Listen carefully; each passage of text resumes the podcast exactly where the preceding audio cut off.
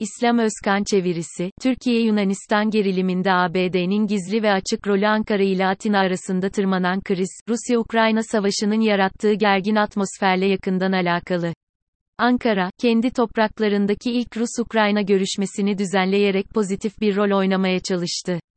Şu anda da Rusya'dan, Karadeniz üzerinden buğday tedarikini garanti altına almaya çalışıyor.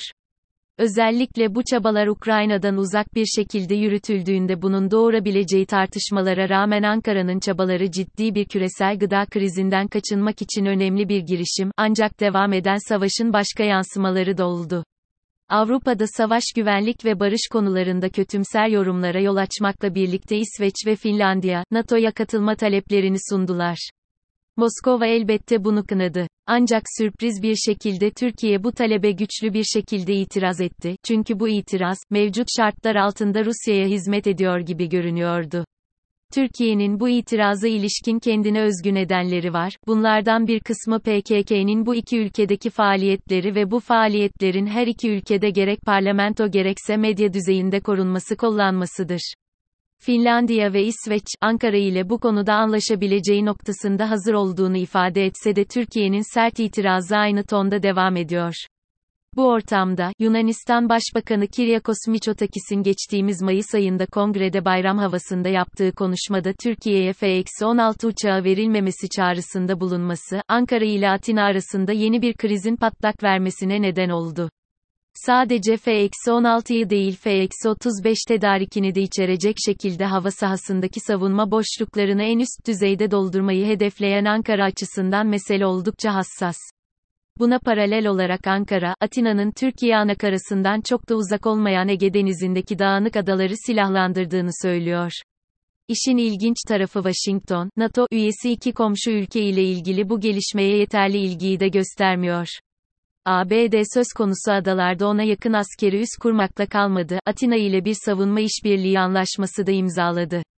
Yunan yetkilileri Türk savaş uçaklarının son zamanlarda ülke hava sahasını onlarca kez ihlal ettiğini ileri sürüyor.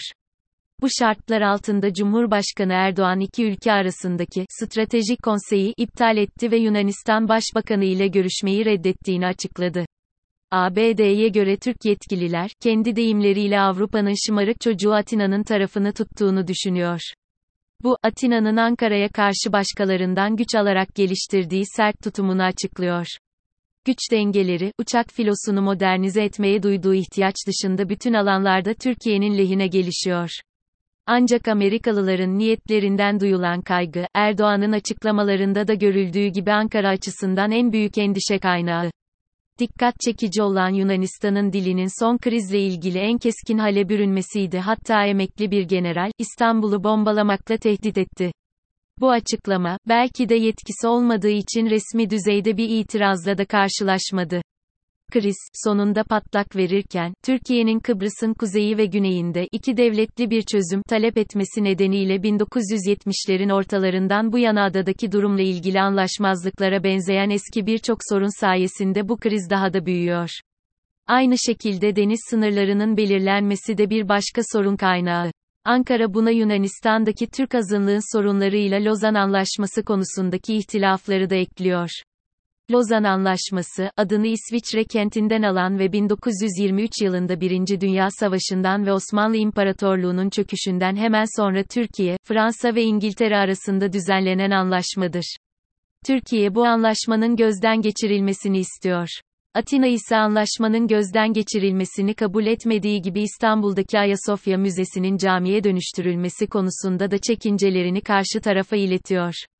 Bu kadar anlaşmazlığın olması, insana iki ülke arasında anlaşmazlık konusu olmayan herhangi bir mesele var mı sorusunu sordururken üyeleri arasında anlaşmazlıkları çözemeyen NATO'nun ne işe yaradığını sorgulatıyor.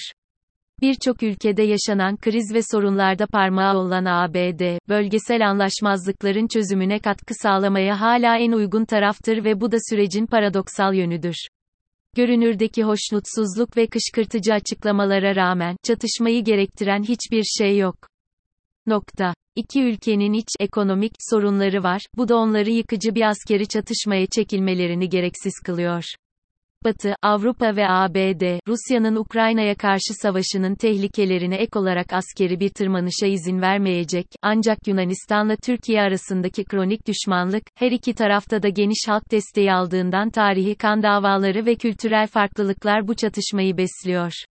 İki taraf arasında son 20 yılda yapılan onlarca görüşme, 100 yıldan fazla devam eden düşmanlığın gizli alevini söndürmeyi başaramadı. Karşılıklı nüfus mübadelesinin yaşandığı Lozan Anlaşması, arkasında Yunanistan'ın Osmanlı Devleti yönetimi altında olduğu gerçeğini ifade eden tarihsel muhayyilenin beslediği acılar bıraktı. Buna karşın Yunanlılar da Türkiye'nin milattan önceye kadar uzanan bir tarihsel süreçte Bizans'ın kalesi olduğunu düşünüyor. Bu düşüncelerin bir kısmını, Yunanistan Başbakanı, ABD Kongresine hitaben yaptığı konuşmada, Doğu despotizme karşısında Helen değerlerini dile getirirken ifade etmişti.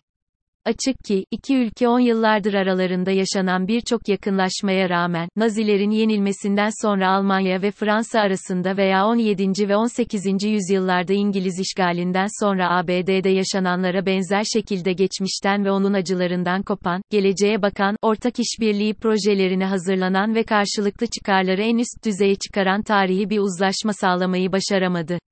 Belki de bu sorumluluk, Yunanlılar ve Türkler arasında köprü kurmayı başaramayan iki ülkedeki seçkinlere aittir. Ayrıca, önceki dönemlerde iki ülkede istikrarın olmaması ve daha doğrusu içerideki siyasi sistemin gelişememesi, iç sorunları gizlemek için dış tehdidi kullanmak kolay olduğundan aralarındaki mesafeyi artırdı.